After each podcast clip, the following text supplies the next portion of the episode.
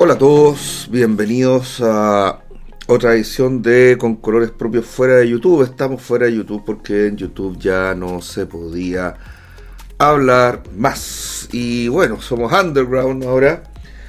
Y bueno, me voy a referir a algunos comentarios del último podcast, pero varios que me llegaron más o menos en el mismo sentido. Pero eso lo voy a referir al final. Porque sí, eh, ¿Qué más les cuento? La gente de Patreon, eh, no, voy a poner un aviso ya.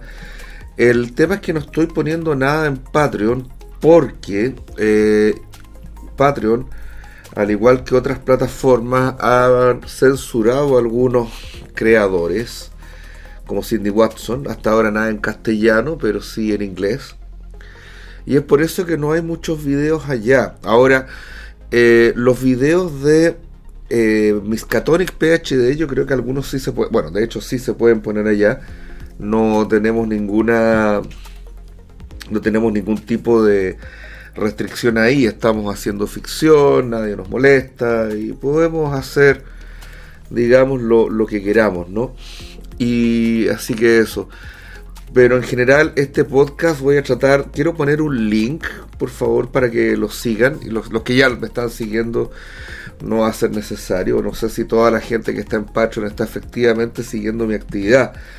Pero voy a ponerles un link en Patreon para que eh, sigan este podcast. Va a ser un link, sigan este link, no va a ser un, link que aparezca el reproductor de Spotify porque, eh, bueno, este podcast eh, salimos de YouTube precisamente para poder hablar las cosas sin que nos rastree eh, nada de eso y bueno, sabemos que Patreon puede estar un poco jugando en el mismo sentido como le ha pasado a algunas personas. Eh, bueno, a propósito de eso, hoy día vamos a hablar del, del underground, digamos. Eh, hay, ¿Qué es el underground? Bueno, underground significa subterráneo. la palabra inglesa, sin embargo, se ha castellanizado para dar cuenta de una cultura, para dar cuenta del arte, de cierta música underground, que quiere decir simplemente aquello que no es de la corriente principal, aquello que no se escucha en las radios más importantes, ni se ve en la televisión, etc. El underground ha existido siempre, pero se empezó a usar el concepto de esta manera en los años 60, digamos.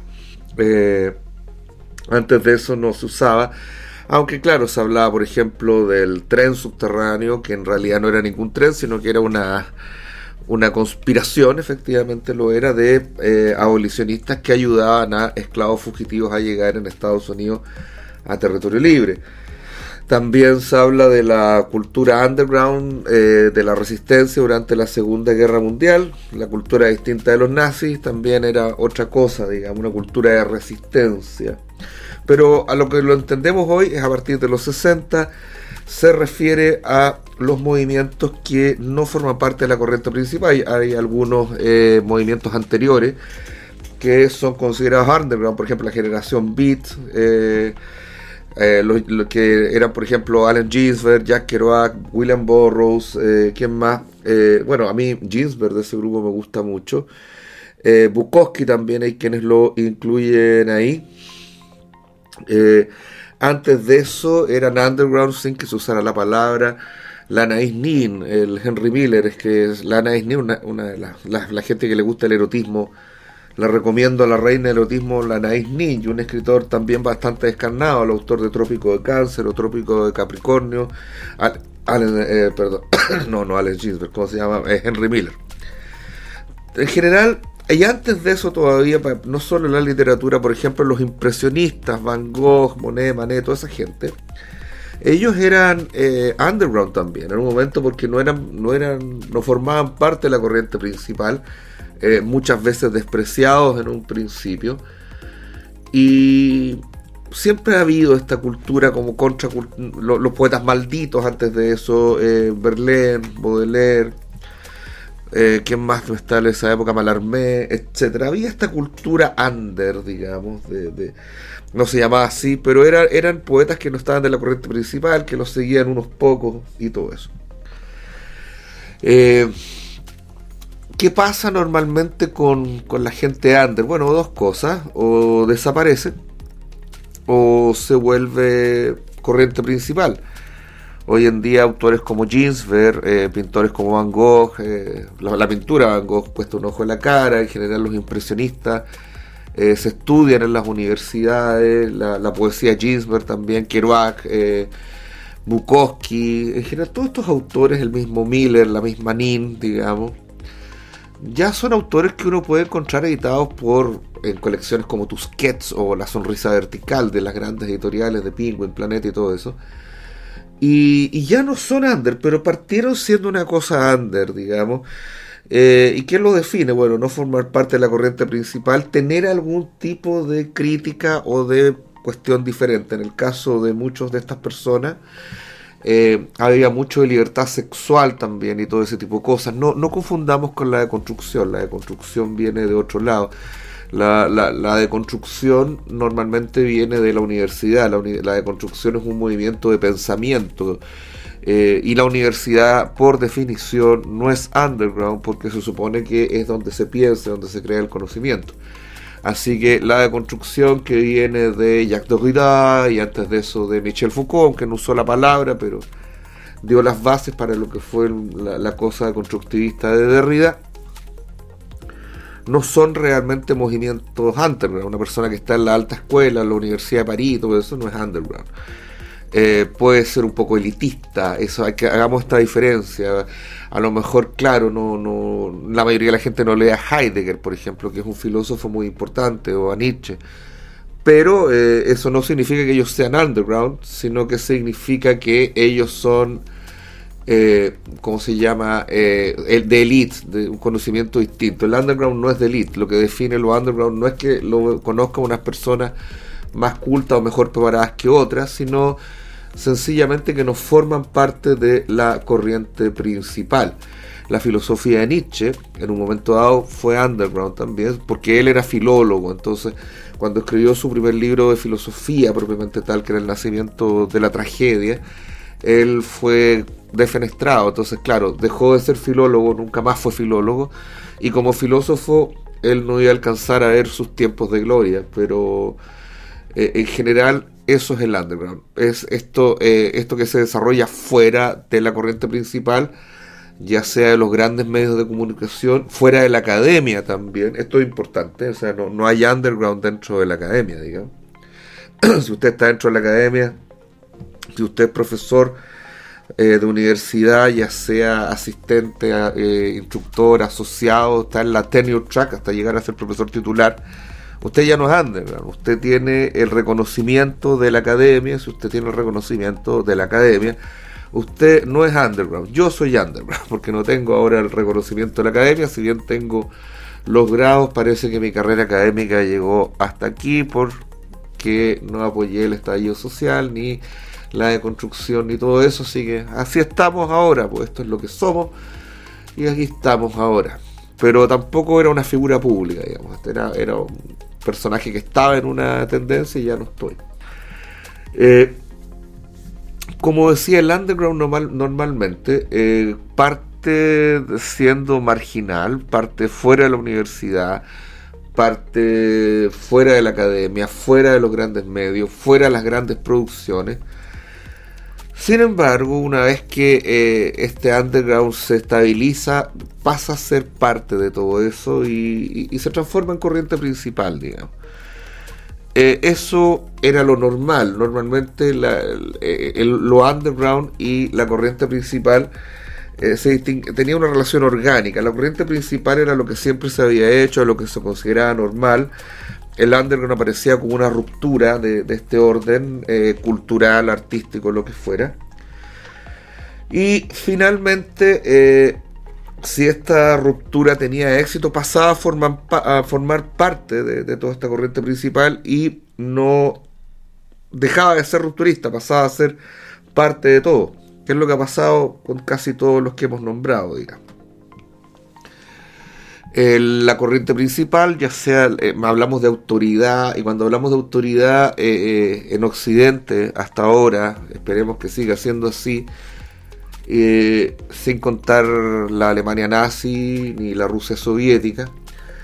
Cuando hablamos de autoridad no hablamos del poder, sino de, la autoridad en el sentido de la gente que tiene, que, gobierna la opinión pública, eh, ya sea en la academia, ya sea en medios de comunicación y todo esto, normalmente esas personas eh, representan o representaban, vamos a ver si todavía esto es así, un cierto canon que a su vez había surgido orgánicamente, es decir, ciertos autores se habían transformado en los autores obligatorios, ciertas pinturas en la norma, cierto pensamiento en la forma que se pensaba. Eh, eh, esto se había transformado, pero esto era orgánico, no lo había impuesto nadie. Y un orgánico consenso social y cultural hacía de esas cosas eh, la corriente principal. El, el underground aparece como una ruptura contra esto, sin embargo, si la corriente principal termina absorbiendo este underground, el underground deja de ser tal. Entonces, pero esto, esta autoridad de la corriente principal no está dada por, o no estaba, eso vamos a hablar un poco ahora, no estaba dada por la fuerza, no estaba dada por nada de ese tipo. Eso es lo que os puedo decir en este momento, digamos, que me salió un acento español de idiota que soy. Eh, sin embargo, eh, ahora ocurre con la cultura underground algo muy extraño, entre otras cosas, gracias a la internet, por ejemplo. Hay algunos que hasta no hace mucho eh, decían que no tenía ya más sentido hablar de underground porque con la internet como que había una cierta igualdad de condiciones. yo no tenía que publicar en un canal normal, ya sea editoriales grandes, si soy escritor eh, canales de televisión, si soy cantante o sello discográfico, si soy algún tipo de, gente que hace eso, o las radios o nada de eso, porque en la internet todos competíamos en igualdad de condiciones, pero esto no es así, por algo yo estoy ahora en Spotify y no en la otra plataforma que tampoco la quiero mencionar tanto, YouTube, pero no la quiero mencionar tanto porque también, aunque ustedes no me crean muchachos y muchachas, gente, personas, eh, muchos creadores de YouTube han sido sancionados por cosas que no han dicho en la misma plataforma o en sus propios canales. Recordemos el caso de Carl Benjamin, eh, Sargon of Akkad, eh, que además fue censurado por Mastercard, ya ni siquiera por, por esta cuestión. O sea, Mastercard sí, la tarjeta de crédito, que quería quitarle sus servicios, digamos. Eh, y en vez de hacer eso hizo que lo hiciera Patreon. Esa es otra de las razones también por la cual no estamos poniendo mucho contenido en Patreon y este contenido no va a estar ahí. Así a la gente de Patreon, gracias por apoyar, pero no les puedo generar el contenido de CCP fuera de YouTube allá porque por alguna por la misma razón que nos salimos de YouTube. Eh, algunos videos están en Rumble, están en Odyssey también, pero les decía que, pero si bien en Estados Unidos, sobre todo Rumble, ha estado cobrando relativa importancia, aquí, como decimos, esto sigue siendo underground. Ahora, en algún momento efectivamente eh, se vio el ascenso de distintas figuras, entre comillas, underground, que llegaron eh, que llegaron a, a, ser tan importantes como la mainstream. El caso de Cal Benjamin, el caso de Tim Pool, eh, el caso de. ¿Quién más? Eh, ¿Quién más estoy pensando de los. Eh, de los importantes a nivel mundial, no, no estoy pensando en Chile porque Chile es un país chiquito, digamos, entonces estoy pensando en los importantes a nivel, bueno, el mismo yo soy Germán, pero claro, yo soy Germán no tiene mayores problemas porque yo soy Germán, es un youtuber que se dedica a hacer estupideces y tonteras y humor y eso no tiene mayores problemas. Y claro, el algoritmo lo subió y fue elevado a las alturas de la santidad de la celebridad y todo eso, pero pero estoy pensando en comentaristas más serios, estoy pensando en gente que haga comentarios ya sea de política, de filosofía y todo eso y después de un cierto boom, de los cuales salieron Tim Pool, Cal Benjamin, The Quartering, Midwest, eh, ¿qué otro más? Eh, Black Pigeon, Eh, Felix Rex, bueno, el Black Pigeon Felix Rex es la misma persona. El mismo Jordan Peterson. Jordan Peterson, si bien era un como profesor universitario, formaba parte del establishment académico, como comunicador parte también en esto. Y claro, ahí la gente decía, en realidad ya no tiene sentido hablar de underground porque todos pasan a lo mismo, pero ¿qué pasa? Aparecieron los redes neuronales, algoritmos, como sea que se llamen, ciertas cosas que nos están controlando y estas cosas que nos están controlando eh, en un momento dado, eh, por ejemplo, sobre ciertos contenidos, sobre todo el contenido más, ni siquiera problemático. Por ejemplo, cuando fue la retirada de las tropas de Afganistán, yo hice un pequeño video con la historia de lo que había pasado en Afganistán, nada demasiado elaborado, desde cuando había empezado las hostilidades, del tema de los rusos, la resistencia, los mujahideen, todo eso hasta llegar al retiro. Y ese video fue demonetizado por YouTube. ¿Por qué? Bueno, porque resulta que YouTube quería que ese contenido que tuviera preeminencia lo, que ellos llaman las fuentes autorizadas. ¿Y cuáles son las fuentes autorizadas? Las grandes cadenas de televisión, los medios establecidos que a su vez están en YouTube. Una semana después el canal reconsideró y me volvió a dar la monetización. Pero ¿qué pasaba? Una semana después ese contenido ya no era el contenido de mayor relevancia porque lo había visto otras personas. Entonces, claro, eso reduce los ingresos, aunque no mucho. Pero yo no, yo no tengo un canal tan grande como para, ganar solamente por visualizaciones. Me gustaría que así fuera y espero que ustedes me ayuden, la gente de ustedes a las que les gusta el terror. Pero el detalle es que cuando un video no se monetiza se ve menos, porque a YouTube le interesa ganar dinero y los videos no monetizados no tienen recomendaciones. Pasó lo mismo cuando hice el video sobre eh, Amber Heard. No sé si lo recuerdan ustedes. Cuando hice ese video eh, sobre el caso Amber, eh, Johnny Depp Amber Heard, también tuvo una semana de monetizado. Apelé, me lo, me lo monetizaron de nuevo la semana siguiente. Pero había cambiado ya el foco y ese video ya no tenía la actualidad que tenía. Ahora, yo en general no hago videos de tan actualidad a no ser que los casos me parezcan relevantes. Y esos dos casos me parecieron extremadamente relevantes. No, no, no hago de una. O sea, lo que estoy diciendo ahora es actual, pero no es actual del día, digamos, actual del año, de, los tiempos que estamos viviendo. Eh, no quiero distraerme con la noticia de día a día, eso lo dejo para periodistas. Yo no soy periodista, yo estudié filosofía y trato de hacer un, pensar mi presente, pero no este presente tan inmediato, sino este presente más grande, el bosque, digamos, más que los árboles, ¿no? Y bueno, en ese sentido, uno empieza a pensar que hay algo raro, porque esto que está ocurriendo dejó de ocurrir, curiosamente, bueno, no es tan curioso, después de la elección de Donald Trump. La elección de Donald Trump hizo pensar a los eh, distintos actores de la política norteamericana que eh, había gente con demasiado poder y se destaparon varias cosas. Por ejemplo, todo lo que te decía de Trump era mentira, la colusión corrupción era mentira, todavía siguen mintiendo a propósito de Trump, lo que es francamente inaudito, siendo que ya no es presidente y todo eso. Eh, el tema de, del FBI, que lo fue a ver y que al final no encontraron nada, pero no, la prensa le dio, hay una señora, Rachel Maddow, que en Estados Unidos en MSNBC, su programa era informar acerca de la conspiración rusa con, ¿cuánto se llama? Con, Trump, que estaba coludido con Putin, hasta que finalmente se comprobó que eso no era cierto. Para que vean, a eso nos estamos enfrentando. Entonces, bueno, ¿qué pasó? Resulta que todo este mundo de comunicadores eh, normales, de la gente común y corriente, eh, llegó a la elección de Trump, eso fue lo que pasó a pesar de que todos los periodistas, todas las encuestas habían incluso falseado datos diciendo que no tenía por dónde ganar, Trump ganó.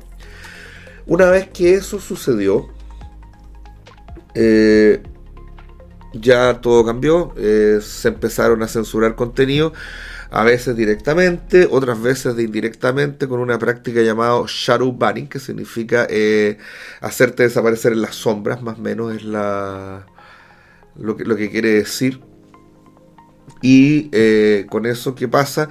Tu video no es recomendado, queda monetizado y todo, pero no es recomendado, no es sugerido, no aparece, nadie lo ve. Es cuando la gente me decía en YouTube, oye, eh, subiste un video, no me están llegando las notificaciones. es por eso, eso es shadow banning. O si no, cuando alguien me decía, oye, es segunda vez que me suscribo a este canal, qué raro. Shadow banning, te quitan suscriptores, shadow banning, shadow banning. Eso es el famoso shadow y una práctica que tienen algunas plataformas, incluso acá en Spotify tengo que tener cierto cuidado porque si bien estoy en una plataforma distinta que además tiene, por ejemplo, a Joe Rogan, que es una persona que, salió del underground y que ahora es corriente principal y uno de los el podcast más escuchado del mundo y el principal formador de opinión, digamos, en Estados Unidos. Igual uno nunca sabe. Y ahora estoy en Spotify, pero algunos de ustedes me habrán encontrado, no sé, por Google Podcast. Los podcasts salen por distintos lugares. Yo no, yo, yo hago que el feed se distribuya por todas partes y que les llegue a todos. Pues. Eh, pero yo no sé, lo, creo que la mayoría lo, lo he recibido por Spotify, pero hay otras fuentes. Y eso puede afectar incluso el rendimiento de mi canal de YouTube, aunque no creo, porque mi canal de YouTube, que ahora ya es mío y del gran Tokugawa Meiji, con seudónimo para que no lo funen. Eh, mi canal de YouTube ahora está dedicado exclusivamente a la ficción. Entonces, pero aquí pasarán cosas, cosas extrañas. Entonces, ¿qué pasó? Si la, diferencia entre el underground y la corriente principal era orgánica, lo que hacía que la corriente principal fuera principal era que venía de mucho tiempo, que tenía el peso de la tradición, tenía el peso de la costumbre, principalmente eso, y lo que hacía del underground underground era precisamente que contrariaba esos criterios hasta darlos vuelta, digamos. Y sucedía que el underground era asimilado por la corriente principal como una más. No es que el underground cambiara, revolucionara todo. No, no, no, no, no, no sucedía eso. Lo que efectivamente sí sucedía era que el underground llegaba a, formar parte de esta corriente. Una corriente principal es bastante, era antiguamente bastante amplia, había varias ideas y varios estilos dentro de ella. Y claro, no se iban unos estilos si quedaban ahí, pero llegaban otros nuevos, ¿no? Y algunos desaparecían también. O si eso no ocurría, el underground desaparecía. Sin embargo, en este momento estamos viendo algunos fenómenos raros y un fenómeno que a título este podcast es el caso de Fernando Villega. El caso de Fernando Villega es el caso más extraño que existe, eh, que por lo menos yo conozco, ni siquiera comparable al de Nietzsche, digamos, porque el, caso de Nietzsche, eh, claro, Nietzsche de alguna forma cambia de disciplina y todo eso, pero como les decía, lo normal es que o lo, underground o desaparezca o pase a la corriente principal.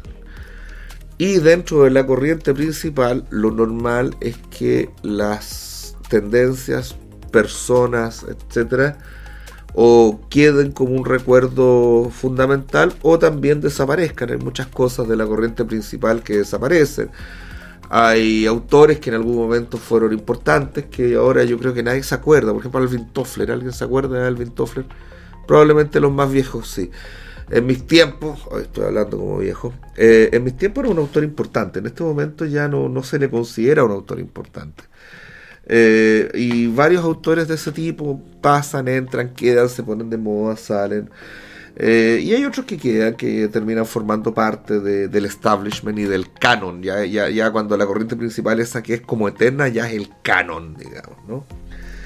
Eh, eso se habla del canon occidental. Cuando se dice cuál es el canon occidental, los libros que hay que leer desde la Iliada en adelante, la música que hay que escuchar desde, no sé, del, desde el medioevo hasta en adelante, etcétera. Eso es el canon occidental, es como la supercorriente principal, eso que no se mueve. Curiosamente no lo conocen muchas personas, pero es porque el canon tiende a volverse de élite, más que porque el, canon ya no va a ser el el canon se sacraliza. Libros desde la Iliada en adelante, por ejemplo, el Quijote es parte del canon. Eh, que más es parte del canon, aunque bueno, es poco tiempo para decirlo, pero ya creemos que sí, Borges es parte del canon, eh, Sábato es parte del canon, ¿quién más es parte del canon?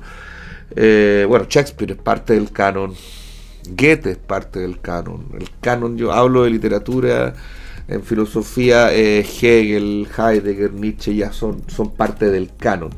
Hablo de esas materias en música, toda la música que nosotros conocemos como clásica, eh, cierta música ya de los años 40 y cierta música que uno escucha. Y, ah, es la época de la Segunda Guerra Mundial, cierta música de los 70 ya. Eh, con la música pasa algo más divertido porque, bueno, la música antiguamente solo había partitura y eh, gente joven, el hecho de que se pueda reproducir música como ahora es algo relativamente nuevo, digamos a partir del siglo XX. Antes la música era por partituras, la gente tocaba en las casas y todo eso. A partir del siglo XX, a partir del fonógrafo, después del cassette, después del CD, después del MP3, después los streaming que podemos escuchar. Hay cine canon, películas como El Exorcista, por ejemplo, es canon. Eh, todo el cine Kubrick normalmente es canon. Eh, y así, el... Sí, bueno, acá estoy pensando en otras películas que pueda uno llamar canon y todas las que se me ocurren son de Kubrick. El Doctor Strange, lo, pero no es el único ahí.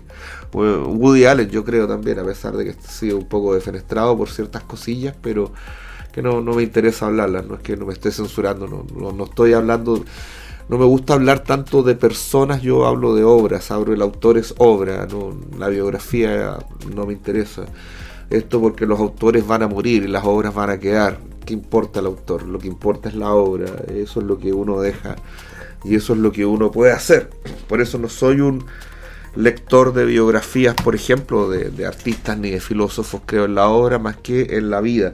Sí leo biografías de políticos, guerreros y todas esas personas, porque ahí me interesa el ejemplo de, de la vida, pero en el caso de autores me gusta el ejemplo de su obra y no pensar en su vida. Así que bueno, eso es canon, digamos. Eh, pero resulta que ahora, volviendo al caso Villegas, el caso Villegas es rarísimo porque, a ver, Villegas no era canon, pero establishment. Establishment, el hombre salía en televisión, el hombre escribía en los diarios de amplia circulación nacional, era parte del establishment o la corriente principal chilena. Y es el único caso que conozco de un hombre que sin haber cambiado de ocupación, como en el caso de Nietzsche, eh, porque hay algunos que, bueno, cambian de ocupación y claro, que se lleva un gran actor se transforma, no sé, por un poeta underground, por ejemplo. No, no, no es el caso. Él está haciendo lo mismo que ha hecho siempre, escribir, comentar, etcétera, y pasa del underground, perdón, del, de, esta mainstream, de la corriente principal, establishment, mainstream significa corriente principal y establishment lo establecido. Eh, se usan estas palabras en inglés porque la palabra corriente principal y lo establecido en castellano tienen otras significaciones y al usar los anglicismos eh, somos más precisos, quedaron así.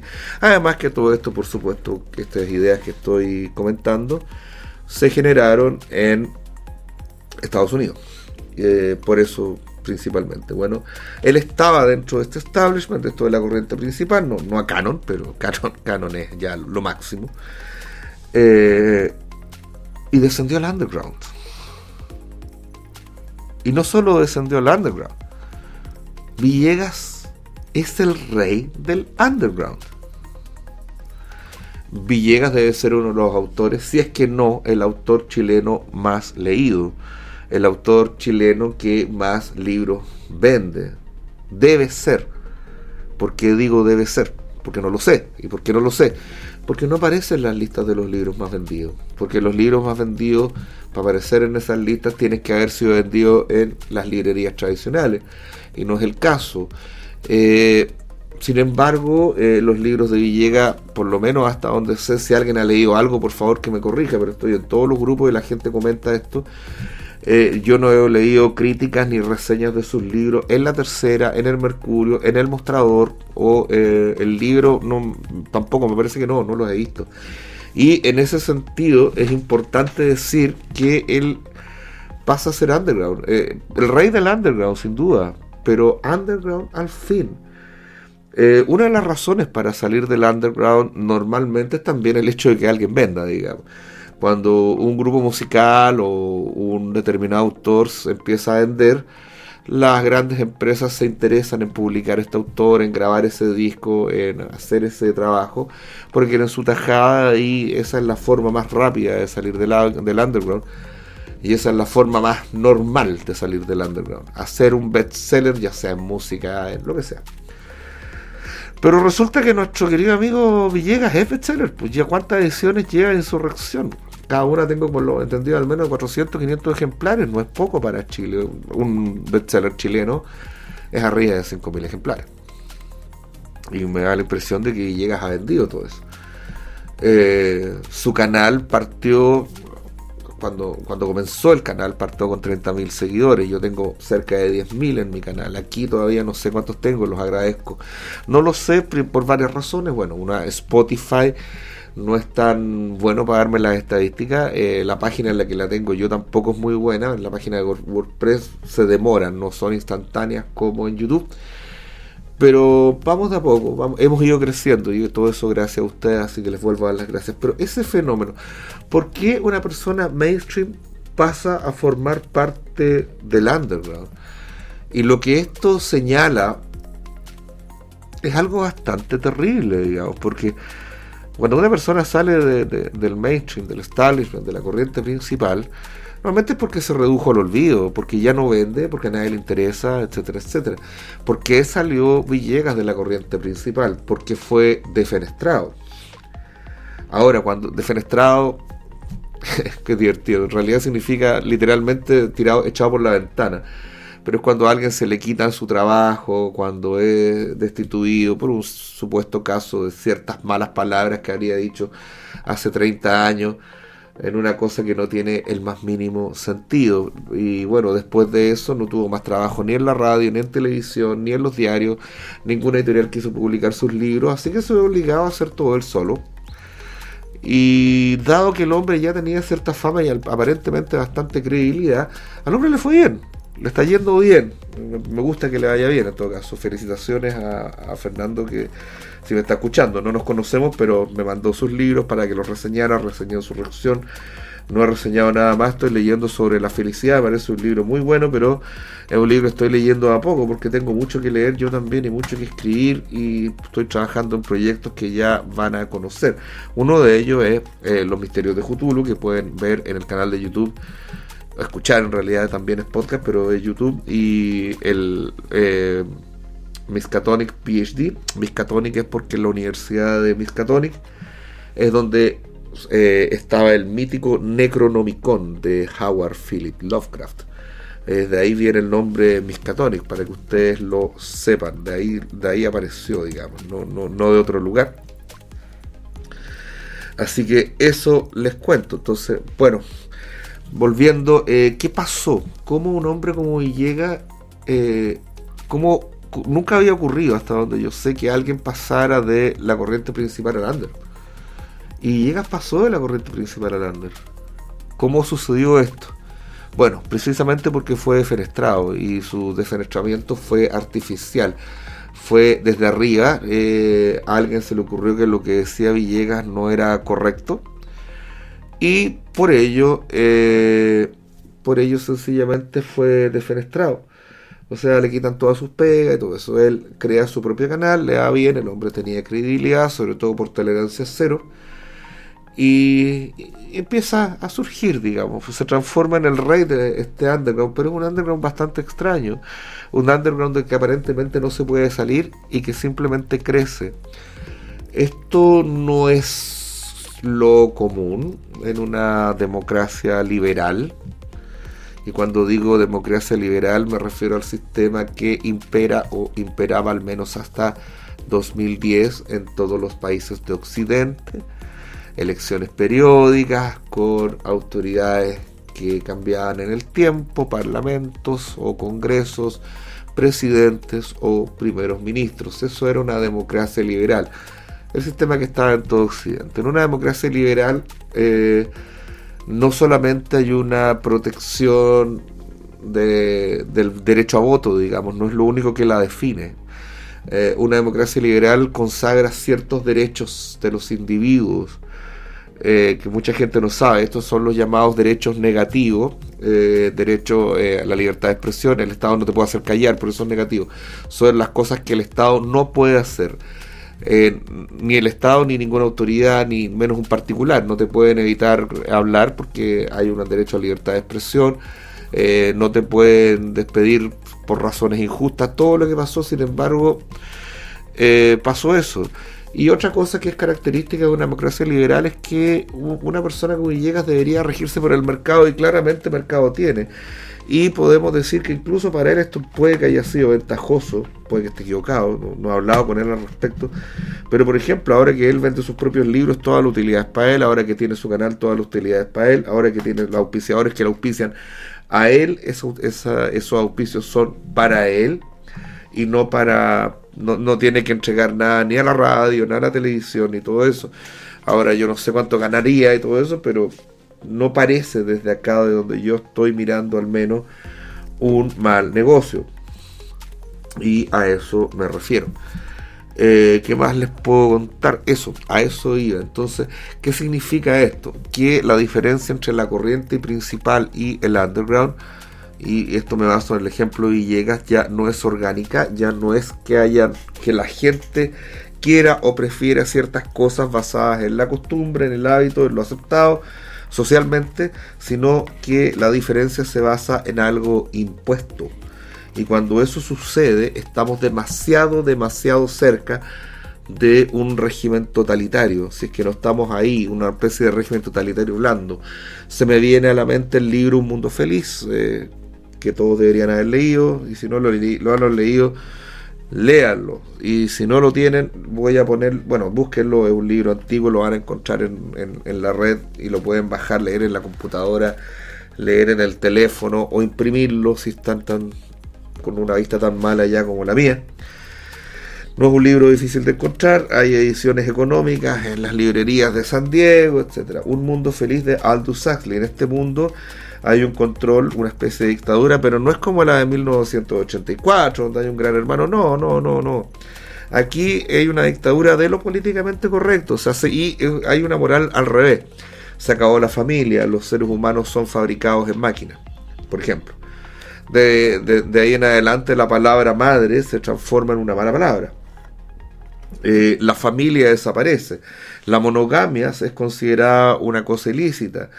Eh, se supone que todo el mundo tiene que tener sexo con todo el mundo y de todas las maneras posibles, porque si no eh, es una forma de egoísmo que es procliva a la violencia y todo eso. Y todo esto está mandado no tanto por... Hay leyes, por supuesto, pero más que las leyes, lo que manda todo esto en realidad es una suerte de presión social porque toda esta sociedad fue hecha con ingeniería social y eso es lo que comanda a la gente. Cualquier parecido con eh, la realidad no es coincidencia. Eh, hay un ensayo de Aldous Huxley que se llama el, eh, el, Mundo Feliz Revisitado, que escribió tiempo después, en el cual dice que cuando él escribió ese libro pensaba en mucho tiempo más, pero después de, de una segunda lectura de su propia obra dijo, no, en realidad esto ya se está, estamos acercándonos mucho a esto, eso es lo que dice. También es un texto que está en internet, que pueden encontrar El Mundo Feliz y El Mundo Feliz Revisitado. Entonces, ¿qué pasa? Esta, por ejemplo, esta cosa de que hay este underground que nunca sube, pero que tampoco se acaba, que esperan que uno desaparezca, esto de que hay un personaje como Fernando Villegas, que estaba en la mainstream, baja al underground, se transforma en el rey del underground, y por ende uno piensa, uno pensaría que él debería volver a esta corriente principal, pero está ahí, no es aceptado. Estamos viendo que la corriente principal ya no es producto de lo orgánico. ¿Orgánico qué quiere decir? Que la gente por distintas decisiones, por costumbre, eh, elige de alguna manera que determinada estética, determinados valores sean los dominantes y el, el resto de la, la, televisora, la radio, las disqueras, las editoriales, le dan a la gente lo que la gente quiere porque sigue las reglas del mercado. No es así en muchos casos. El caso de la televisión es bastante evidente. Eh, hay un mensaje y quien estuviera en contra de ese mensaje se va. Y ahora es probable que esté cambiando. Yo la verdad que dejé de ver televisión. Eh, sí me entero, digamos, por, por comentarios de prensa. Por comentarios de que veo en el underground. No, no, ya no, no, eh, no veo la corriente principal a no ser el canon occidental que recuerden que el recordemos que el canon son las obras inmortales, la Iliada, todo ese tipo de cosas. El mundo feliz es canon, 1984, eso es canon, eso ya, ya no va a salir, no se va a mover de ahí. Y eso por mérito propio, no es que alguien lo haya dicho, sino que van apareciendo. Mucha gente lo dice y se transforman en referentes culturales, referentes del pensamiento, etc. Eh, lo que estamos viendo, por ende, es un, una corriente principal impuesta, que ya no es orgánica, y eso comienza a notarse. ¿Y qué va a pasar con esto? No sé lo que va a pasar con esto, no, no lo había visto antes. Eh, hay una generación que se dedica a ver el TikTok y que, bueno, no sé qué va a pasar con ellos, no sé si se van a reproducir siquiera. Eh, hay otra generación que está un poco en pugna, que es la generación mía todavía. Yo tengo cincuenta y tantos años, es la generación forzada una cierta adolescencia por una serie de fenómenos preocupados de nosotros mismos. No hay mucha gente de mi generación en la política, la gente es más vieja o es más joven. Voy a explicar eso en, otro video, pero, pero, pero hay, hay motivos para ello, digamos, que tienen que ver con la experiencia de vida en los 80-90. Eh, ese tipo de cosas, digamos. Eh, este corriente principal, esto que se piensa, esto que se dice, que según el propio Heidegger era el modo de ser inauténtico, esto quiere decir, o sea, era lo que la gente pensaba, esto ya no es tan inauténtico en el sentido heideggeriano, no, no es que el, mero dejarse llevar, la mera inercia de las masas, sino que está siendo controlado por poderes, es lo que antiguamente llamaba la gente poderes fácticos. El caso de She-Hulk, que no la he visto ni la voy a ver, pero he visto las críticas y son terribles. ¿Y, qué dice ahora, por ejemplo, los que crean esto? Atacan a los fans. Eso se, me, da la impresión de que sucedió también con el, eh, la cosa de Tolkien que está haciendo, ¿cómo se llama? Esta eh, Amazon Prime. También, o sea, si no resulta, no, es que la, la culpa la tienen los fans, que son todos hombres blancos, por supuesto y todo eso. Hay cosas raras también. Por ejemplo, hace poco, y esto es corriente principal, Madonna salió del closet. De nuevo, de, todo el mundo ya sabe quién es Madonna. Entonces, ¿qué pasa ahora? Ahora, por ejemplo, es corriente principal ser gay. Y, nadie puede decir nada malo de, de, alguien gay. Antiguamente, cuando yo era muy joven y alguien hacía algo malo, puta que eres maraco. Ah, ahora no, no se puede. Pero sí se puede insultar tranquilamente al hombre blanco heterosexual. Eh, Nadie, antiguamente cuando yo era niño, hablar contra la religión cristiana era terrible. Ahora sí se puede hablar, pero no se puede atacar, por ejemplo, al Islam y ese tipo de cosas.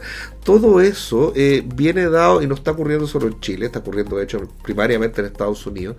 Y estamos viendo como esta narrativa, cuando digo narrativa, es una palabra que muchos han escuchado, pero me imagino que nadie sabe lo que significa. En este caso, narrativa significa precisamente contar un cuento, contar una historia, que como en la narrativa, la narrativa de verdad, digamos, la novela del cuento, no es verdad tampoco. Es un cuento que que te está contando. Estas cosas son así. Esta narrativa y se ajusta a la realidad y se saca lo que no corresponde y se cuenta solo aquello que tiene algún tipo de relación con la narrativa. Y eso es lo que ahora domina la mainstream, la corriente principal, y esta es la razón por la que eh, vemos algo tan extraño como un Villegas Underground.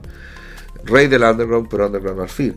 Y esta es la razón por qué el underground se fortalece y cada vez menos gente ve, por ejemplo, televisión abierta y se pasa a ver YouTube. Y de YouTube uno ya tiene que empezar a pasarse, si bien los canales grandes de los grandes rebeldes siguen ahí, y esto es porque cuando trataron de bajarlo, como fue el caso de Black Pigeon Speak, eh, Black Pigeon Speak significa eh, el, el, palomo negro que, que habla.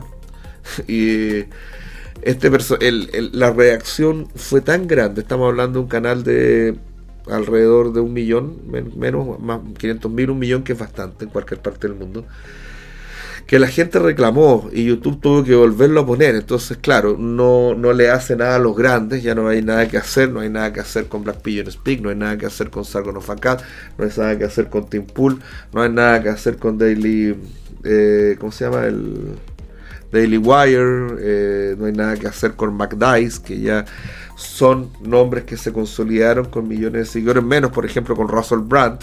Todos estos canales están en inglés, pero les recomiendo a todos verlos. Pero aún así a Russell Brand ya le bajaron un video esto por la desesperación. ¿Cuál desesperación?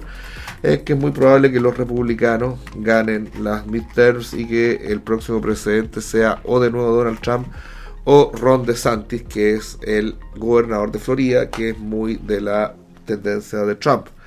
Un patriota, un America First, que no quiere, por ejemplo, que Estados Unidos financie la guerra en Ucrania, tema del que vamos a hablar de repente por acá, por supuesto, en el canal de YouTube, ya no podemos hablar de nada, así que por eso estamos conversando acá.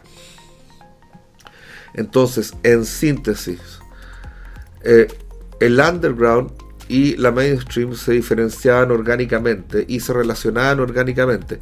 El, underground, si lograba hacer su lugar en la corriente principal, dejaba de ser underground y se transformaba en corriente principal impresionistas, Allen Ginsberg, eh, la generación Beat, eh, ¿cómo se llama este otro? La Nice Nin y todos los ejemplos que ya vi.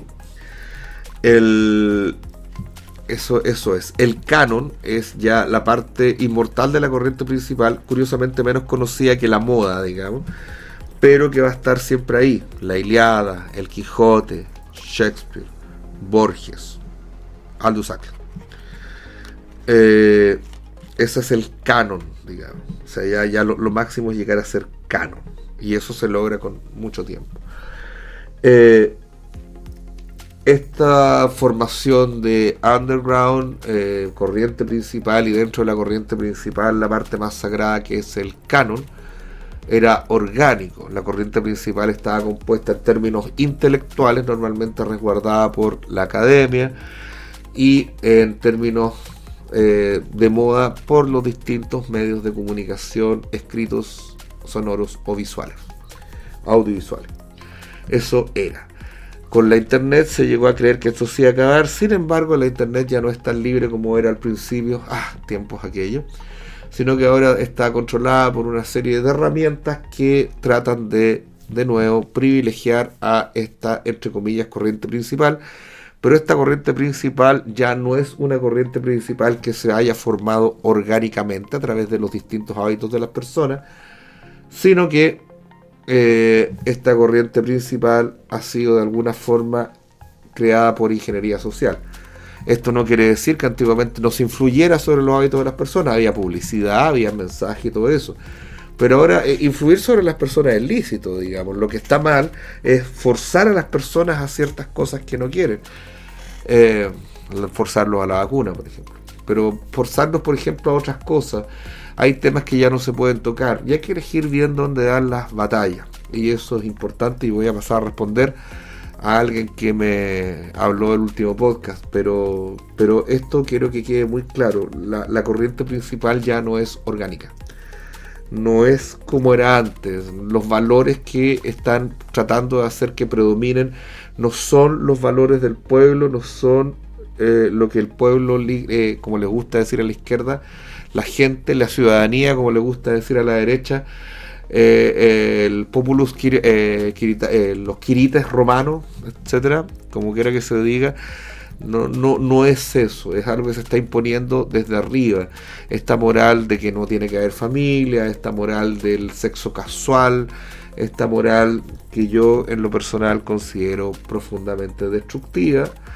Eh, la gente no la está adoptando libremente, sino que está siendo influida para ello y hay una serie de cosas que están haciendo así y esto viene influido de arriba. Y es por eso que el underground ahora no se transforma en corriente principal e incluso una persona de la corriente principal como es Fernando Villegas, se transforma en underground. Estamos en una sociedad donde ya no es libre, que no se da sus valores eh, libremente ni orgánicamente, sino que está siendo controlada por intereses. Bueno, ¿cuáles son estos intereses? Bueno, el Foro de Davos, la ONU, ya sabemos quiénes son los, los malvados de siempre.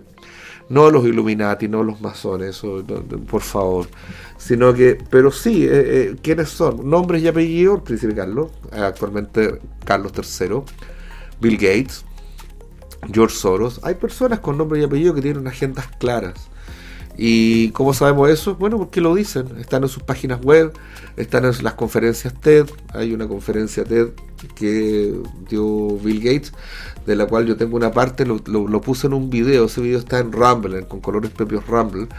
Me gustaría ponerlo acá, pero eh, ahí sale Bill Gates y sale con subtítulos, así que tendría que... No sé cómo hacerlo, no sé si lo quieren, ahí me dicen. Eso principalmente. Ahora, PZ la chica que me contestó y otras personas que me hicieron esto sobre el tema Gonzalo la carrera. Eh, me decíais vosotros, estoy hablando como los españoles, muchos, eh, que eh, claro que Gonzalo Carrera con lo que había hecho había ganado a lo mejor votos en los patriotas, etcétera, etcétera. Ya, pero, a ver, la de gente derecha es una minoría, la gente izquierda también. Aunque ustedes no lo crean. Eh, cuál es más grande que la otra, eso es variable. La gran mayoría de la gente oscila entre una y otra forma de, de izquierda a derecha, no por cuestiones racionales, como estaría muy bien, porque uno tiene que no casarse con las ideas, sino casarse con la verdad. Y la idea, lo que era verdad ayer, no es que no sea verdad hoy, porque si bien hay verdades objetivas, hay pocas verdades absolutas y aquellas verdades absolutas son indiscutibles. Vamos a hablar del tema de la verdad uno de estos días. Si no, el video está en Rumble y si no, probablemente lo ponga acá. Eh, eso por una parte. Eh, por otra parte, ¿qué más les cuento? Eh, claro, volviendo al caso de la carrera, no importa lo que opinen los patriotas. La verdad que no tiene la menor importancia porque con los patriotas nadie va a ganar una elección. Nadie. Y además que no van a cambiar su manera de pensar. Es como decir el 22% original. El 22% original eh, no necesita nada. Ese es un 22% original duro y es bastante, es bastante, pero obviamente como lo vimos no es suficiente. Ahora el 62% final. Eh, muchas de esas personas votaron rechazo no porque sean de derecha, sino por la cantidad de mamarrachos que se presentaron y agradezcámosle por sobre todo a nuestras queridas indetectables que si no se hubieran sacado la bandera de salva, sea la parte, por mucho que no estemos en YouTube, no quiero decir poto, eh, pucha, no, eso, eh, eh, y cada exceso y cada locura que cometieron llegó un momento en que fue demasiado. Esta gente se llenó de ibris, de soberbia, digamos, y fueron demasiado lejos y llegó un momento en que el pueblo, como a ellos les gusta decir, se asustó y votó por otra cosa. Eso es lo que sucedió. Pero eso no es un voto seguro. Eso esta gente puede cambiar su discurso, esta gente puede hacerse otra cosa y darle la oportunidad a una persona irrelevante como es Emilia Schneider, porque Emilia Schneider es lo más irrelevante que hay. A mí me da lo mismo la Emilia Schneider. Eh, de, lograr cierta notoriedad, es prácticamente hacerle la campaña de nuevo. Y eso no está bien. ¿Para qué? Nosotros, uno tiene que elegir las batallas, no hay que pelearlas todas. Hay que ser estratégico, eh, entender primero que nada lo más importante que la gente derecha no entiende, porque parece que fueran idiotas crear la agenda pública y no aceptar la agenda pública de la izquierda. Poner los propios temas que nosotros queremos, no responder a los temas de ellos. Eso es lo principal, pero nadie lo sabe. No sé por qué no sabe lo que es la agenda pública. Eh, Edward Bernays me parece que el libro Propaganda, ahí está el concepto, por favor léanlo.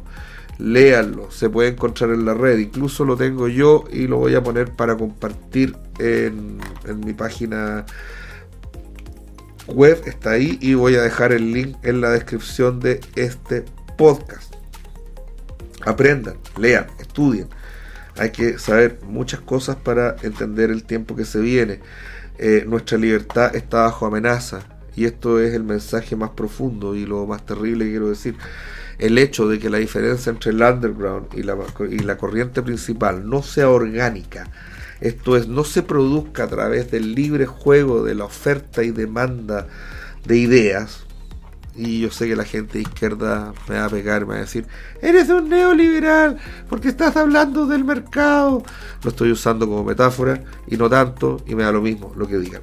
Así que ya, ya lo dije. Cuando eso no ocurre y viene impuesta por una determinada autoridad que dice lo que hay que decir, lo que hay que pensar, ya no de manera orgánica, sino simplemente porque se le ocurre a ciertos poderes que ni siquiera son del Estado, sino de la ONU, de tipos como Bill Gates, George Soros u otros enfermos semejantes,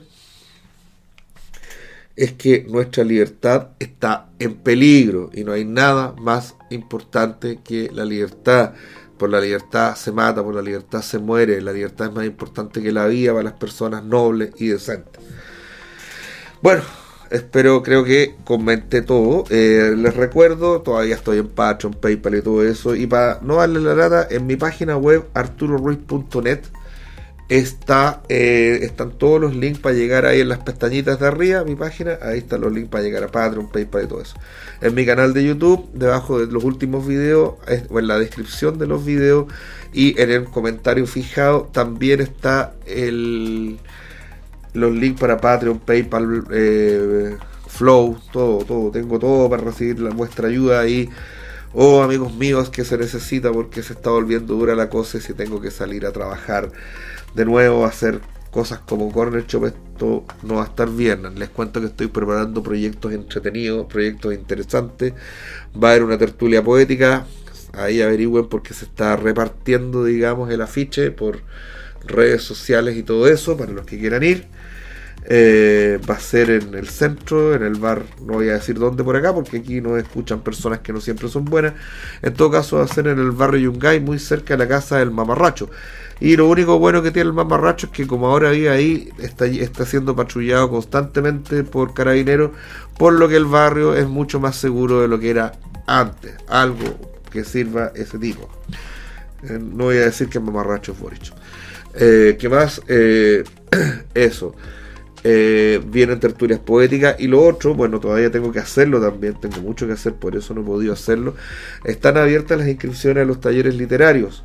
Los que quieran inscribirse pueden mandar ahí a, ideas, ideas y comentarios, el correo que va a aparecer ahí para que ustedes se, se contacten y se quieren inscribir. También hay unos grupos de WhatsApp, pero bueno, los grupos de WhatsApp los van a encontrar en las descripciones de los videos pero esos grupos de WhatsApp de repente se llenan de personas indeseables que ofrecen cosas raras. Así que la mejor manera es mandar al correo que, ¿cuál es? Lo repito, ¿cuál era el correo? Se me olvidó.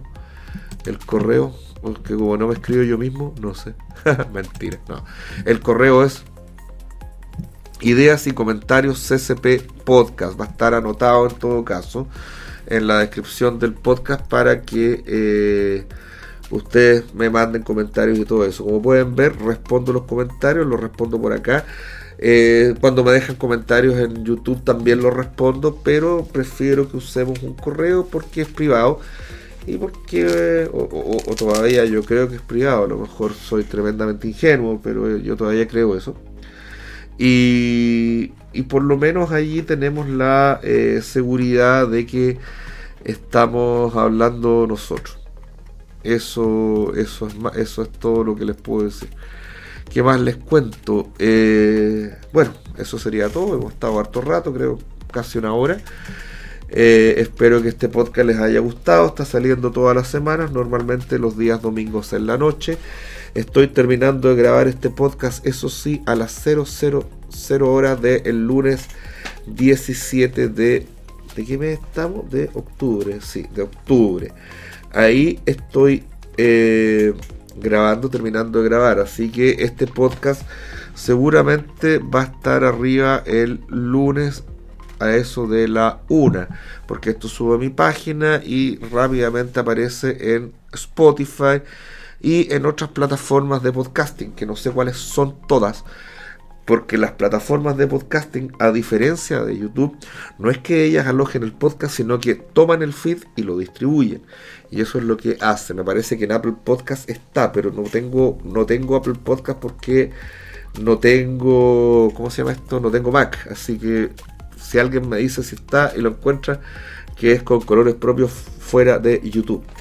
Así que aquí estamos, seguimos por ahora haciendo underground en este sistema del mundo feliz en el cual se nos está diciendo una verdad que no podemos cuestionar y quienes cuestionamos esto nos vamos transformando en paria con nuestro crédito social abajo. Así que eso es. Bueno, eso sería todo. Nos estamos escuchando. A la próxima. Y para mañana viene otro capítulo de los misterios de Jutulo. Los misterios de Jutulo se están por acabar. Eh, los últimos capítulos van a quedar, los últimos dos capítulos van a quedar solo para miembros del canal y para la gente de Patreon. Y eso hasta que el resto de los cuentos tengan las suficientes visualizaciones. Así que para que lo sepan, vayan sabiendo, le, lo, la, le, lo, sabiendo. Ah, me confundí con el tema del género. Ya, es tarde, estamos cansados, mañana todavía nos queda por grabar más y vamos a tener que seguir hablando, así que nos estamos escuchando a la próxima muchachos. Chao.